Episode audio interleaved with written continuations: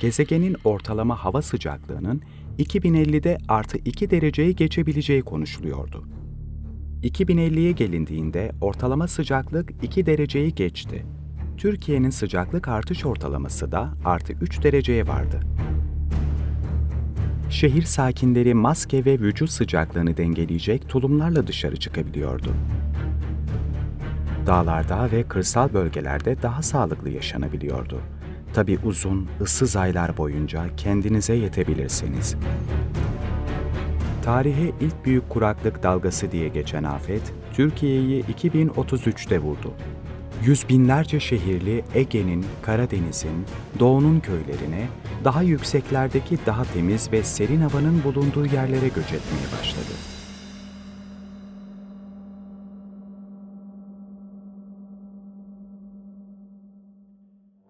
Merhaba, ben Mehve Şevin. Kısa Dalga için hazırladığım bu podcast'te 2050'de bir yolculuğa çıkıyoruz. Hayatımıza bugünkü gibi devam edersek 2050'de iklim krizi hangi boyutlara varabilir? Dünya ve Türkiye küresel ısınma nedeniyle hangi zorluklarla karşı karşıya kalacak? Çok uzak olmayan bir gelecekte neleri konuşacağız, nasıl yaşayacağız? Günümüzde yapılan bilimsel araştırma ve öngörülerin ışığında bu sorulara yanıt aradım. Evet, distopik bir hikaye bu. Türkiye 2050, Gelecekte Bir Yolculuk adlı podcast'i Fedai Karakeçi ile seslendirdi. İlk bölümde kahramanımız Leyla ve yaşadığı dünya ile tanışacaksınız. İyi dinlemeler.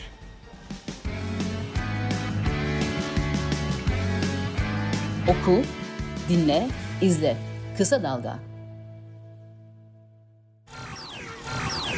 Bugün 10 5 Ekim 2050. Texas Radyo herkese güzel bir gün diler. Yurdun batı ve iç kesimlerinde yer yer görülen asit yağmurları bugün itibariyle etkisini kaybedecek. Ancak İklim Bilim Kurulu yeni bir kuraklık dalgasının başlayacağını açıkladı. Bu dalgadan özellikle Akdeniz, Ege ve Marmara etkilenecek. Kurul hava sıcaklığının Akdeniz bölgesinde en yüksek 46, Ege'de 42, Marmara'da 40 dereceye çıkmasını beklediğini açıkladı.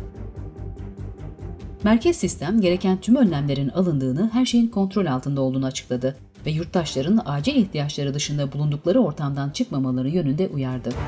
Ayrıca merkezi sistemden yayınlanan yeni bir genelgeye göre 10-17 arasında sokağa çıkacak olanların izolasyon tulumu giymemeleri halinde bin çip ceza kesilecek. Ve dünya haberleri. Evet sevgili izleyiciler, 2050 yılına sellerle deniz taşkınlarıyla giren Avrupa'nın kuzeyinden gelen göç başvuruları artıyor. BM'ye bağlı İklim Göç İdaresi geçtiğimiz 6 ayda 2 milyon mültecinin Avrupa'ya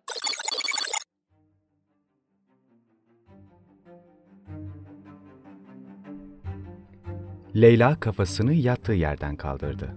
Tavandaki pencereden odaya yansıyan ışığa göre saati ve hava durumunu tahmin etmeye çalıştı. Şafak söküyordu. Mutfaktan anneannesinin sesi geldi. Hadi kalk kalk, geç kalacaksın. Haklıydı. Leyla uzun bir yola çıkacaktı. Sıcaklık bastırmadan harekete geçmeliydi. Kalkar kalkmaz evin damına dayanmış merdivenden ustaca tırmandı. Büyük bir lombozu andıran çift camlı pencerenin yanındaki ölçüm aletlerini kontrol etti. Her gün sıcaklık, nem oranı, partikül değerlerine bakmayı alışkanlık haline getirmişti. Verilere göre tahmininden daha temiz ve ılıktı hava. İyiye işaretti bu. Aslına bakarsanız anneannesinin tasarladığı bu sığınağı başta abartılı bulmuştu. İstanbul'da olsak neyse de Çanakkale'de yaşayıp sığınak yapmak ne demek diye şikayet etmişti. Fakat orman mühendisi olan Peri Hanım, bilimsel öngörülerle dalga geçilemeyeceğini bizzat yaşayıp görmüştü. Üniversitelerin ticarethane mantığına teslim edildiği dönemde emekli olup İstanbul'u terk etti. Büyük şehirlere ilk kuraklık dalgaları vurduğunda o Kaz Dağları'nın eteklerinde Sazlı köyüne yerleşmişti bile. Aşırı hava olayları dünyanın dengesini alt üst ederken yeraltı sığınağı yapma fikrini geliştirdi. daha iyi anlayabilmemize nasıl yardımcı olduğunu görmek için İspanya'ya gittik. Öncelikle Kopernikus İklim Değişikliği Servisi verilerine göz atacağız. Aslında 2019'daki olağan dışı sıcaklıkları hepimiz hissettik. Şimdi ise bilimsel veriler elimize ulaştı. Sıcaklıkların sanayileşme öncesi döneme göre 1,21 santigrat derece üzerinde seyrettiği 2019, Avrupa Daha için 100 yılın başlarında karbon emisyonları azaltılmazsa gezegenin ortalama hava sıcaklığının 2050'de artı 2 dereceyi geçebileceği konuşuluyordu. Bu rakamlar o günlerde insanlara fazla bir şey ifade etmiyor, hatta sıkıcı geliyordu. Oysa sanayi devrimi öncesinin ortalama hava sıcaklığı temel alınarak yapılan hesaplamalara göre 21. yüzyılda ortalama artı 1,5 derecelik artış maksimum sınırdı.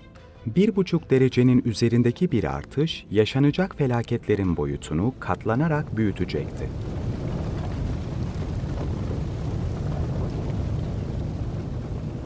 Ama çoğu devlet önlem almak konusunda geç kalmıştı. 2050'ye gelindiğinde ortalama sıcaklık 2 dereceyi geçti. Türkiye'nin sıcaklık artış ortalaması da artı 3 dereceye vardı. Bazı coğrafyalarda iklim değişikliği çok daha sert yaşandı. Hatta iklim kuşakları değişti. Büyük şehirlerde yaşam iyice zorlaştı. Hava kirliliği, kuraklık ve aniden patlayan fırtınalar yüzünden şehir sakinleri maske ve vücut sıcaklığını dengeleyecek tulumlarla dışarı çıkabiliyordu. Dağlarda ve kırsal bölgelerde daha sağlıklı yaşanabiliyordu. Tabi uzun, ıssız aylar boyunca kendinize yetebilirseniz. Şehirdeki alışkanlıklarınızdan tamamen vazgeçebilirseniz. Kışın sert fırtınaları, yazın sıcak hava dalgalarını, asit yağmurlarını atlatmayı öğrenirseniz. Her şeyden önemlisi merkez sistemden göç onayı alabilirsiniz.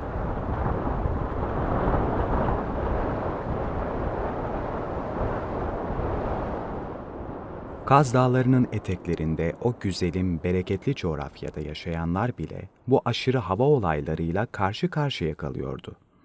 Bu yüzden Leyla ve Peri Hanım, kritik hava dönümlerinde özellikle aşırı sıcaklarda artık sığınakta kalıyordu. Zaman içinde Leyla bu yalıtılmış, ilkel ama güvenli hayata alıştı. Babasından haber almasaydı İstanbul'a gitmeye hiç niyeti yoktu. Ama artık yola çıkma vakti gelmişti. Anneannesine kısa sıkı bir kucaklaşmayla veda etti. Peri Hanım, Leyla patikadan kaybolana kadar soğukkanlılığını korudu. Torunu uzaklaştığında sıcak gözyaşları sicim gibi yanaklarından aktı. Bağımsız, objektif, kaliteli haber. Kısa Dalga Medya. Tarihe ilk büyük kuraklık dalgası diye geçen afet, Türkiye'yi 2033'te vurdu. Yüz binlerce şehirli Ege'nin, Karadeniz'in, Doğu'nun köylerine, daha yükseklerdeki daha temiz ve serin havanın bulunduğu yerlere göç etmeye başladı. Büyük şehirden uzaklaşınca insanın midesini bulandıran o sülfürik koku yok oluyor, salgın hastalıklar bile daha kolay kontrol altına alınabiliyordu. En güzeli kendine yetecek kadar tarım yapmak, daha ucuza yaşamak ve kişisel enerjiyi üretmek de mümkündü.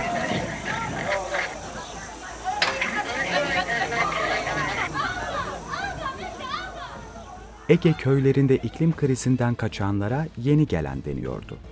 Ancak köylüler onlara mesafeli, hatta bazen düşmanca davranırdı. Özellikle İstanbul'dan gelenlerin hastalık ve uğursuzluk getirdiklerine inanıyorlardı. Oysa herkes artık aşılıydı. Merkez sistemden izin belgesi olmayan hiçbir yere adım atamazdı. 2043'te güncellenen Genel Toplum Yasası 681 sayılı karara göre yerleşim yerlerine düşen nüfus sayısı kısıtlandırıldı. Ama tüm bunlar köylüleri, kasabalıları rahatlatmaya yetmedi. Haksız da değillerdi. Yıllardır aldatılmaktan, güvenleri de elleri gibi nasır tutmuştu. Yırtıcı bir kuş vadiye son pikesini yaptı. Leyla çevik adımlarla Behramkale'ye inerken güneş yükselmeye başladı.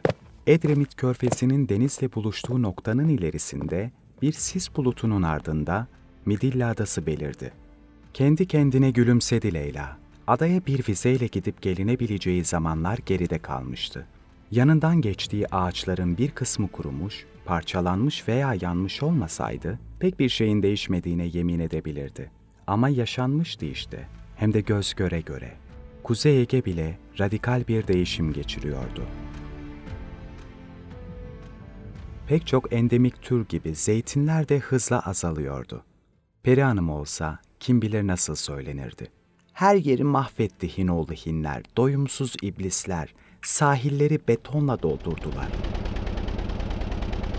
Dağları madenler için oydular, sulara baraj çekip kuruttular. Sen doğduğunda hala kömür santralleri kuruyorlardı. Ormanları kesip biçtiler, anlıyor musun?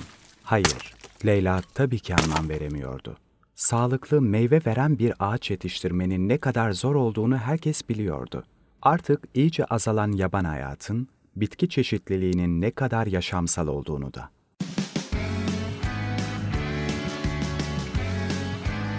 Görecek, duyacak, bileceksiniz. Kısa Dalga Medya.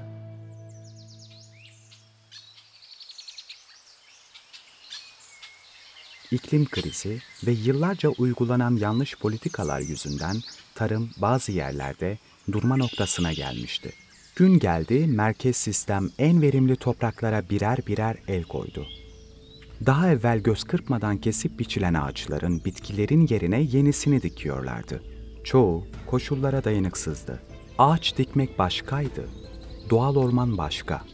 Tarlaların, seraların yerini suni gıda üreten fabrikalar aldı.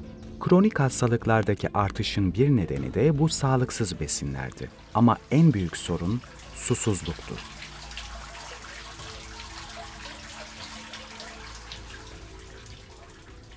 Leyla, musluğu açtığında şakır şakır suyun aktığı günleri hatırlıyordu. Fakat musluktan 7-24 suyun akması 2050 dünyasında artık bir ayrıcalıktı.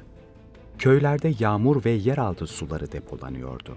Ama cehennem sıcaklarında hiçbiri yetmiyordu. Su kavgaları yüzünden köylülerin arası açılmıştı.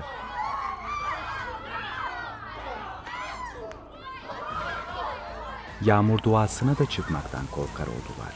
İmamlar gökten rahmet değil asit yağmurları yağınca toplu dualardan vazgeçmişti. Çanakkale'de üç ayrı noktada kurulan deniz suyunu arındırma tesisleri ancak deniz seviyesindeki yerleşim birimlerine yetiyordu. Üstelik tarımda kullanılmaya elverişli değildi. Normalde sabahın bu saatinde drone uçurmazlar. Ancak kaçakları kontrol etmek için arada tarama yaparlar. Leyla'nın belgeleri ve izinleri tam ama bir drone ile karşılaşmak ona vakit kaybettirebilir. Bu nedenle olabildiğince temkinli yürüyor. Fakat denize yaklaştıkça heyecanlanıyor, adımlarını sıklaştırıyor. Güneşin suyun üzerindeki yansımasına, denizin durgunluğuna sanki ilk kez görülmüş gibi bakıyor. Fırtınada kopan, dağılan ağaçlar, bir devin üzerine basıp ezdiği izlenimi veren otel yıkıntılarının arasından ilerliyor. Bir zamanlar çocukların mutluluktan çığlıklar atarak oynadığı, yetişkin kahkahalarının çakıllarda yankılandığı, gençlerin hayattan bir haber bedenlerini deniz tuzuna bandığı o koca koy, artık sar edici bir terk edilmişlik içinde. Leyla, Kadırga koyunda küçük bir mola veriyor. Kendini denize bırakırken bir an her şeyi unutuyor.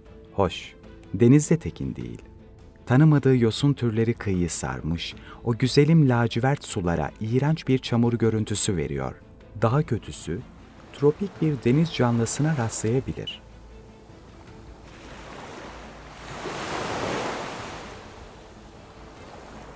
Yosunlardan sıyrılmak için hızla kulaç atarken küçük bir balık sürüsü gözüne takılıyor.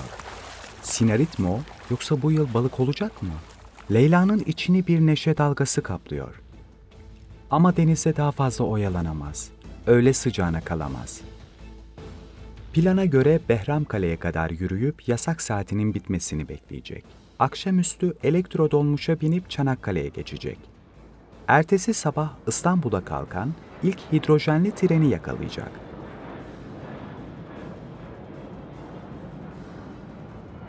Vızır vızır uçaklarla, benzinli arabalarla, otobüslerle İstanbul'a gidilip gelinen zamanları Peri anlatmıştı. Öylesine bir bolluk, öylesine bir sorumsuzluk zamanı. Uçak yolculuğu artık bir lüks. Uluslararası havacılık kurallarına göre benzinle çalışan uçaklar tamamen yasaklandı. Pek çok hava yolu elektrikli veya hidrojenli uçaklara yatırım yapmak zorundaydı. Ancak hem kabinlerde yolcu kapasitesi daha az oluyordu, hem de bu teknolojiyi ithal etmek gerekiyordu. Her şehirde inşa edilen o koca havalimanlarının pistlerini birkaç yılda otlar sardı. Artık toplu taşıma benzinsiz araçlarla yapılıyordu. Demir ağlarını en az 3 katına çıkarma hedefi kondu. Zira pek çok şehir sadece otoyolla birbirine bağlıydı. Bir avuç zengin ve ayrıcalıklı için yeni ihaleler almak demekti bu. Yolculuğunu hayal ederek denizden çıkmıştı ki, dört kişinin kendisine doğru geldiğini gördü Leyla. Yabancıların üniforması yoktu.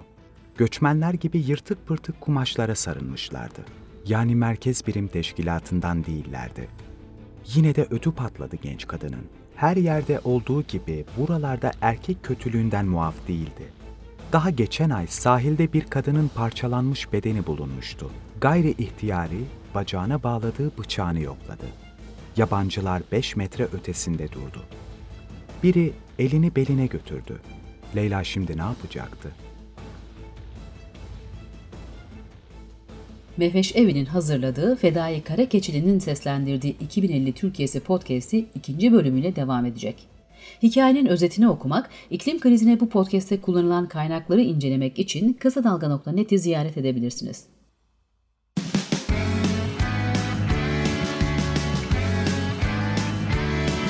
Kulağınız bizde olsun. Kısa Dalga Podcast.